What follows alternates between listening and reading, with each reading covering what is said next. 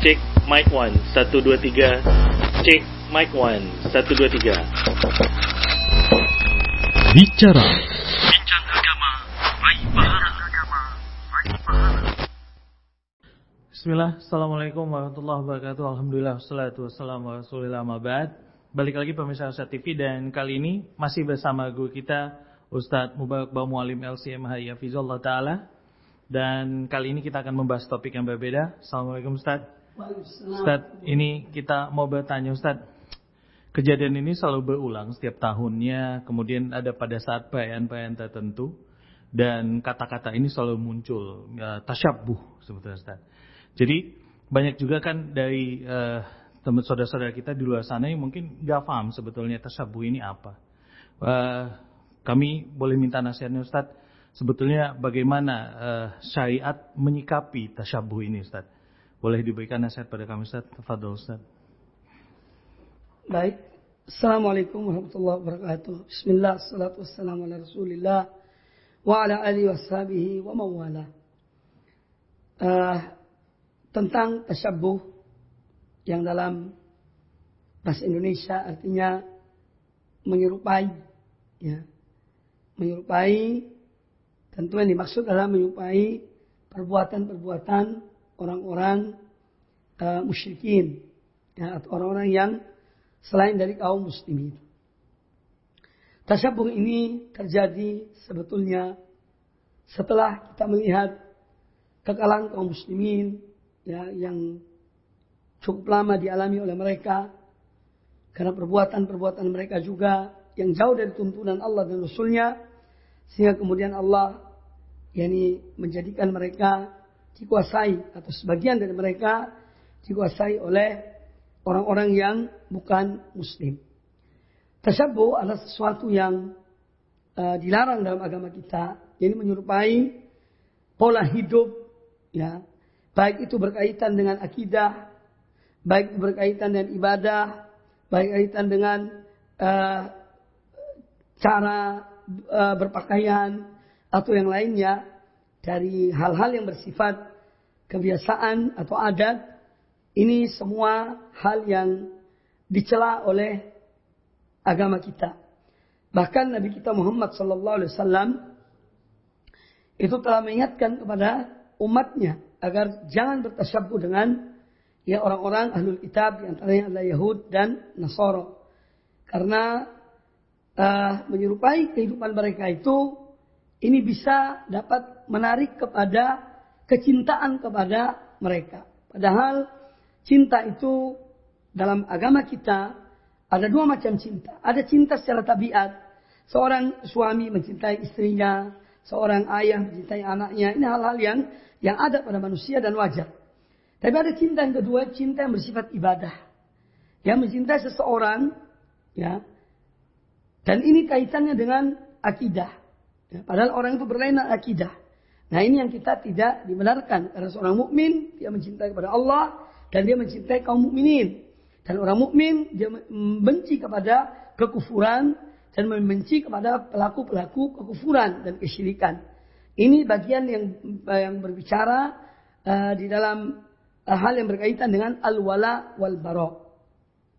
Nah, sekarang kita melihat tentang fenomena yang ada bahkan realita tasyabuh ini menjadi hal yang banyak kita jumpai di tengah masyarakat. Ya, padahal Allah telah mengingatkan kepada kita tentang apa yang disebut dalam Al-Qur'anul Karim, "Walan tardha amkal yahud walan nasara hatta tattabi'a millatahum." Dan orang-orang Yahudi dan orang Nasrani tidak akan ridho kepada kamu sekalian sehingga kalian mengikuti yakni agama mereka. Ya, ini disebutkan oleh Al-Qur'anul Karim dan tidak bisa dipungkiri oleh siapa pun. Karena yang menyampaikan ini adalah Allah Subhanahu wa taala, Rabbul Alamin yang Maha mengetahui tentang hamba-hambanya. Nah, oleh karena itu Nabi kita Muhammad SAW diutus oleh Allah Subhanahu wa taala adalah untuk menyelisihi orang-orang ahlul kitab maupun orang-orang musyrikin. Menyelisih mereka hampir boleh dikatakan dalam semua bidang. Di dalam akidah. Ya. Islam datang untuk menyelisihi dua kelompok besar ketika itu. Yaitu al-Yahud dan An-Nasara. Contohnya dalam masalah akidah. Allah Subhanahu wa taala ya menyebutkan tentang uh, akidah ini adalah merupakan hal yang sangat penting untuk menjadi pegangan seorang mukmin. Kita melihat orang-orang Yahudi akidah mereka terhadap Isa putra Maryam adalah mereka mengatakan bahwa Isa bin Maryam yaitu anak zina. Sedangkan di sisi yang lain orang-orang Nasrani mereka mempunyai keyakinan bahwa Isa bin Maryam adalah anak Allah, maha Allah dari apa yang dikatakan oleh mereka. Nah Islam datang dibawa oleh Nabi Shallallahu Alaihi Wasallam untuk meletakkan siapa sebenarnya Isa bin Maryam itu. Maka Islam menjelaskan kepada umatnya, bahkan kepada manusia seluruhnya, bahwa Isa bin Maryam adalah hamba Allah dan Rasul utusan Allah Subhanahu Wa Taala.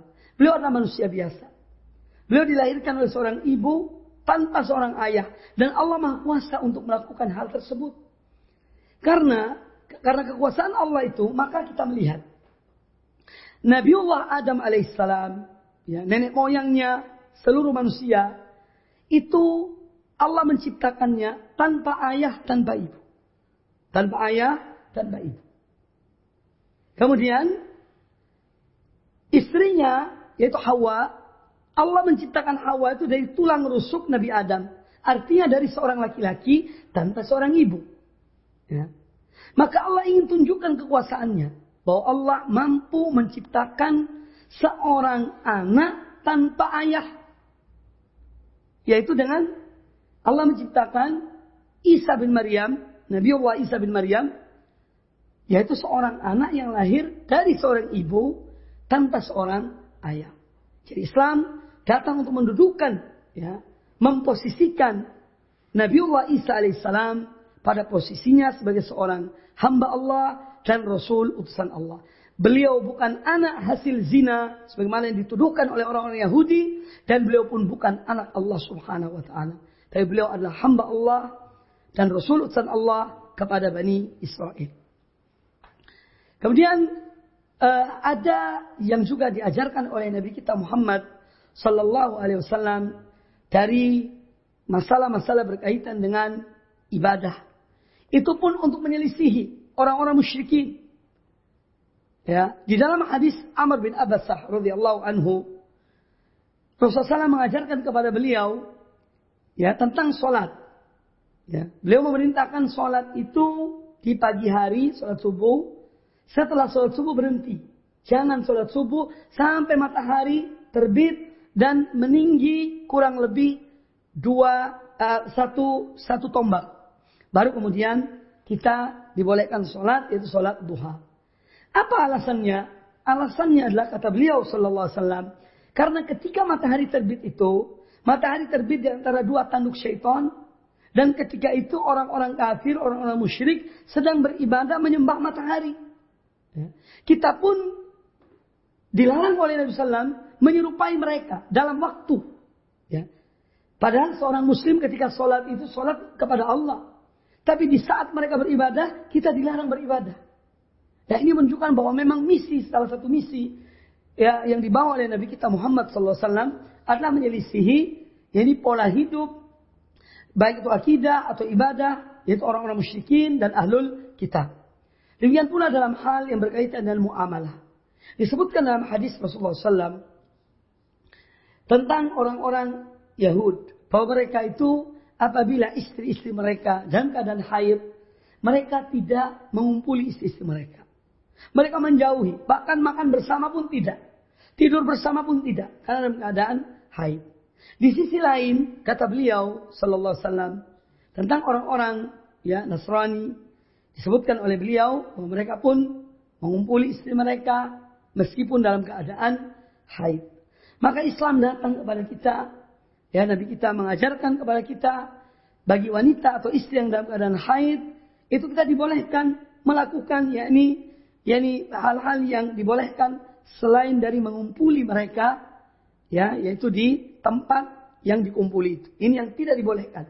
Di tempat keluarnya darah haid. Ini hukumnya haram. Tapi mendekati mereka, mungkin mencium mereka, yang mendekati mereka, makan bersama mereka, Ini hal yang dibolehkan. Semua ini dalam rangka untuk menyelisihi pola hidup dari dua golongan ahlul kitab tersebut. Dan masih banyak hal-hal yang lainnya yang disebutkan oleh Nabi SAW tentang masalah ini. Nah, kata Nabi SAW dalam hadis yang sahih riwayat Abdullah riwayat Al Imam Abu Daud dan yang lainnya dari Abdullah bin Umar, "Man tasyabbah biqaumin fa minhum." Para siapa menyerupai satu kaum, berarti dia dari golongan mereka. Oleh karena itu, kita dilarang menyerupai orang-orang tersebut. Karena kita mempunyai prinsip, kita mempunyai pendirian, kita mempunyai tuntunan, ya. Maka kita harus berpegang pada tuntunan kita. Itu ya ini tuntunan agama Allah dan Rasulnya Nabi kita Muhammad Sallallahu Alaihi Wasallam.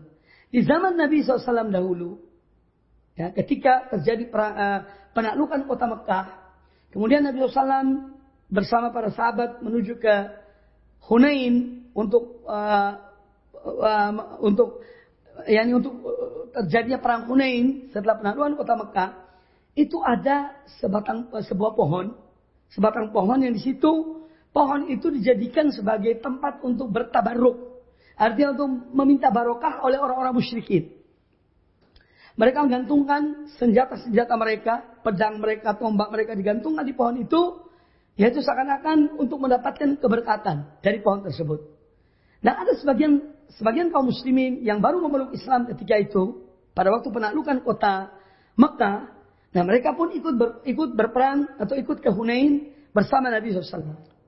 Nah di antara mereka ada mengatakan ya Rasulullah, ya buatkanlah kami pohon, ya zat amwat untuk kami gantungkan senjata-senjata kami. Bagaimana mereka orang musyrik ini mempunyai pohon itu? Maka apa kata Nabi SAW? Allah Akbar. Sungguh. Kalian minta mengikuti mereka. Yang ahli kitab. Ya kalian mengikuti orang Yahudi. Orang-orang Yahudi dulu seperti itu. Mereka mengatakan kepada Musa, jadikanlah kami sembahan sebagaimana mereka mempunyai sembahan-sembahan yang banyak.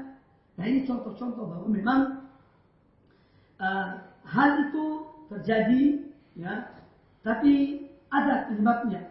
Mengapa dari sebagian kaum muslimin apalagi zaman kita ini banyak yang mengikuti ya pola hidup baik masalah akidah atau masalah yang lainnya ya dengan ahlu kitab atau orang-orang musyrikin.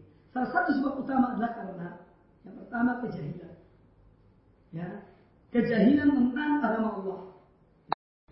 Nah, kejahilan ini menjadikan seorang berbuat apa yang dikehendakinya karena dia tidak mempunyai ilmu. Ya. Yang kedua, Kadang-kadang seorang juga ketika dia melakukan hal tersebut ini disebabkan karena turun temurun. Dia karena ada orang tua yang melakukannya, ya, atau mungkin tetangganya. Dia mengira bahwa itu adalah ajaran tuntunan Islam. Ternyata itu bukan dari tuntunan Islam. Maka dia pun ikut-ikutan. Ya. Yang ketiga, terkadang ada juga yang melakukan hal tersebut bukan karena tidak tahu punya ilmu, tapi karena ada kemaslahatan-kemaslahatan dunia, naudzubillah min dzalik, ya.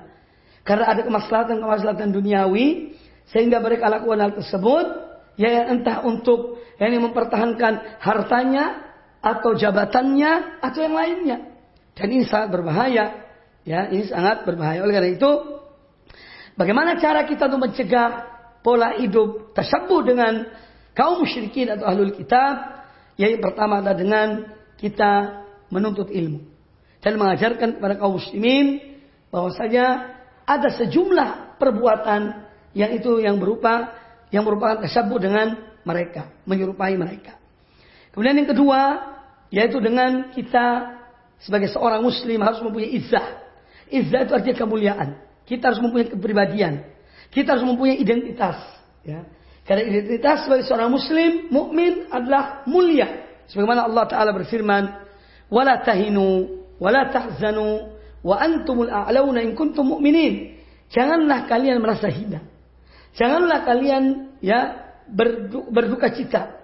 Kalianlah yang termulia apabila kalian beriman kepada Allah Subhanahu wa taala. Maka seorang muslim harus mempunyai izzah, harus mempunyai kemuliaan. Ya. Kita ini diberikan oleh Allah Subhanahu wa taala sesuatu yang demikian indahnya, syariat yang demikian mulianya. Mengapa kita menukar dengan sesuatu yang tidak jelas? Sesuatu yang jauh dari tuntunan Allah dan Rasulnya. Nah oleh karena itu menuntut ilmu ya ini adalah sesuatu yang mendesak bagi kaum muslimin dan juga me, me, merasa memiliki izzah kemuliaan. Ini juga harus kita tanamkan kepada kaum muslimin. Jangan dia merasa hina dengan agamanya tapi justru dia merasa mulia dengan agamanya. Nah oleh karena itu kepada kaum muslimin ya tentu kita menghimbau agar kita masing-masing hendaklah mempunyai prinsip dalam hidup ini karena Allah Subhanahu wa taala telah berfirman ya dalam Al-Qur'anul Karim tentang masalah akidah, masalah agama, Allah Ta'ala mengatakan, Lakum dinukum waliyadin, bagi kalian agama kalian, bagi aku adalah agamaku. Oleh karena itu mari kita berprinsip dan mudah-mudahan kita istiqamah dan Islam yang benar sesuai dengan tuntunan Allah dan Rasulnya Nabi kita Muhammad Sallallahu Alaihi Wasallam dan yang dicontohkan oleh para sahabat radhiyallahu anhum dan orang-orang yang mengikuti mereka dengan baik. Semoga apa yang disampaikan bermanfaat bagi kita semuanya. Aku lu qauli hadza wallahu taala a'lam. Insyaallah jazakallah khair Ustaz barakallahu fik. Semoga Allah Subhanahu wa taala mudahkan kita dan keluarga kita untuk membentengi diri dari tasyabbuh yang dilarang oleh syariat. Baik pemirsa Ustaz TV, kita tutup dengan doa kafaratul majlis. Subhanakallah bihamdik, syadu la ilaha illa anta astaghfiruka wa atubu ilaik. Assalamualaikum warahmatullahi wabarakatuh.